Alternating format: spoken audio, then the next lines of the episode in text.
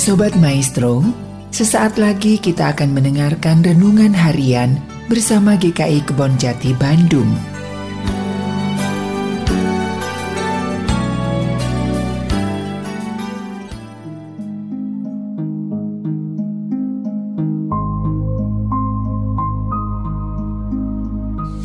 Selamat pagi Bapak Ibu Saudara-saudara, apa kabar? Masih dalam suasana Natal, saya berharap damai sejahtera Tuhan selalu menaungi kita. Pada hari ini renungan kita terambil dari bacaan Injil Matius pasal 12 ayat 46 sampai ayat yang ke-50. Demikian firman Tuhan. Ketika Yesus masih berbicara dengan orang banyak itu, ibunya dan saudara-saudaranya berdiri di luar dan berusaha menemui dia. Maka seorang berkata kepadanya, "Lihatlah, ibumu dan saudara-saudaramu ada di luar dan berusaha menemui engkau." Tetapi jawab Yesus kepada orang yang menyampaikan berita itu kepadanya, "Siapa ibuku dan siapa saudara-saudaraku?" Lalu katanya sambil menunjuk ke arah murid-muridnya, ini ibuku dan saudara-saudaraku. Sebab seorang siapa pun yang melakukan kehendak Bapakku di sorga, dialah saudaraku laki-laki, dialah saudaraku perempuan, dialah ibuku. Nas pembacaan kita terambil dari ayat yang ke-50 yang berkata, Sebab siapa pun yang melakukan kehendak Bapakku di sorga, dialah saudaraku laki-laki, dialah saudaraku perempuan, dialah ibuku. Renungan kali ini bertema Questa e la mia familia dalam bahasa Itali. Artinya, ini keluarga saya. Bapak Ibu Saudara-saudara, ayat ini diucapkan oleh Tuhan Yesus ketika di tengah-tengah pengajarannya seseorang menginterupsi Yesus dengan menunjuk pintu di luar rumah ibadah dengan mengatakan, "Lihatlah, ibumu dan saudara-saudaramu ada di luar dan berusaha menemui engkau."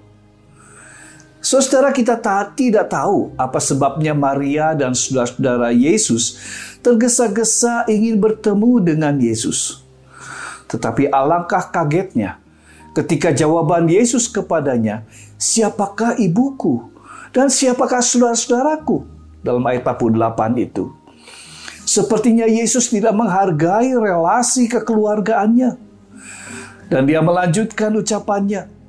Sebab siapa pun yang melakukan kehendak Bapakku di sorga, dialah saudaraku laki-laki, dialah saudaraku perempuan, dialah ibuku.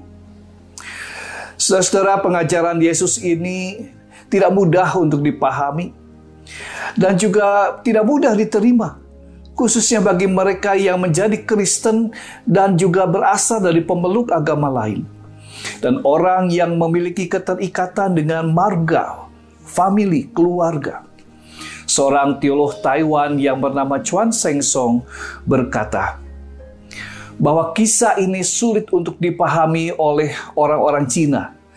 Dianggap sebagai suatu batu sandungan dalam masyarakat Cina. Di sana hubungan antara orang tua dan anak serta hubungan saudara beserta saudara yang lain dianggap sebagai dua dari lima hubungan dasar yang membentuk masyarakat.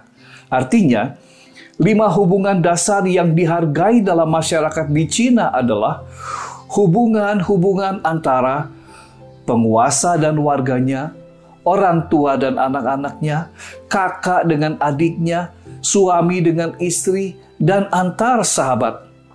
Jadi perkataan Tuhan Yesus yang mempertanyakan siapa ibuku dan siapa saudara-saudaraku?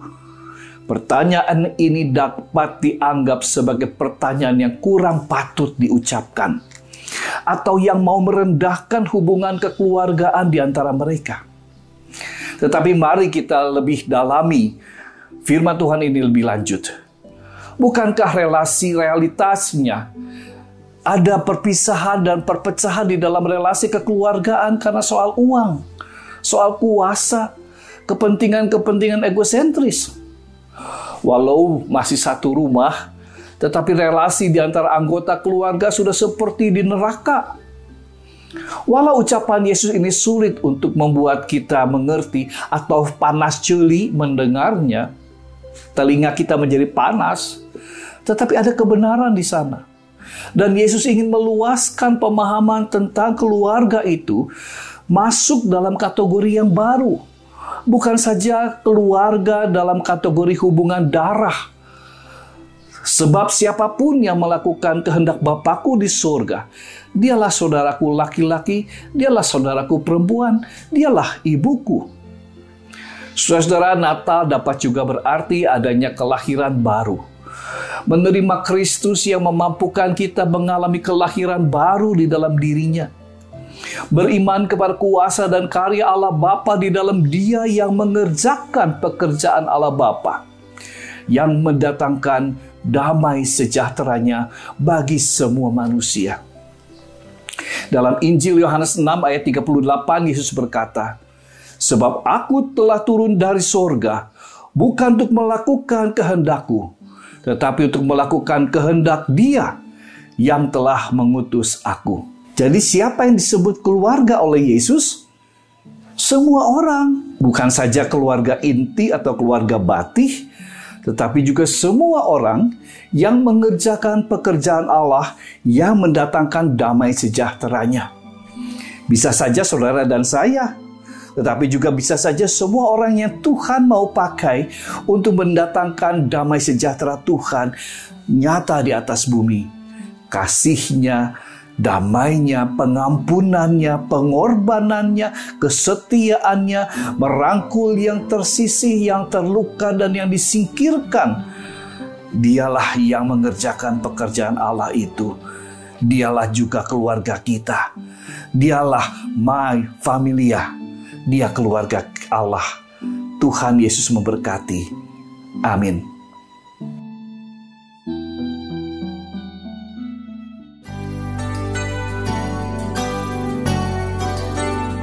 Sobat Maestro, baru saja Anda mendengarkan renungan harian bersama GKI Kebon Jati Bandung. Tuhan Yesus memberkati.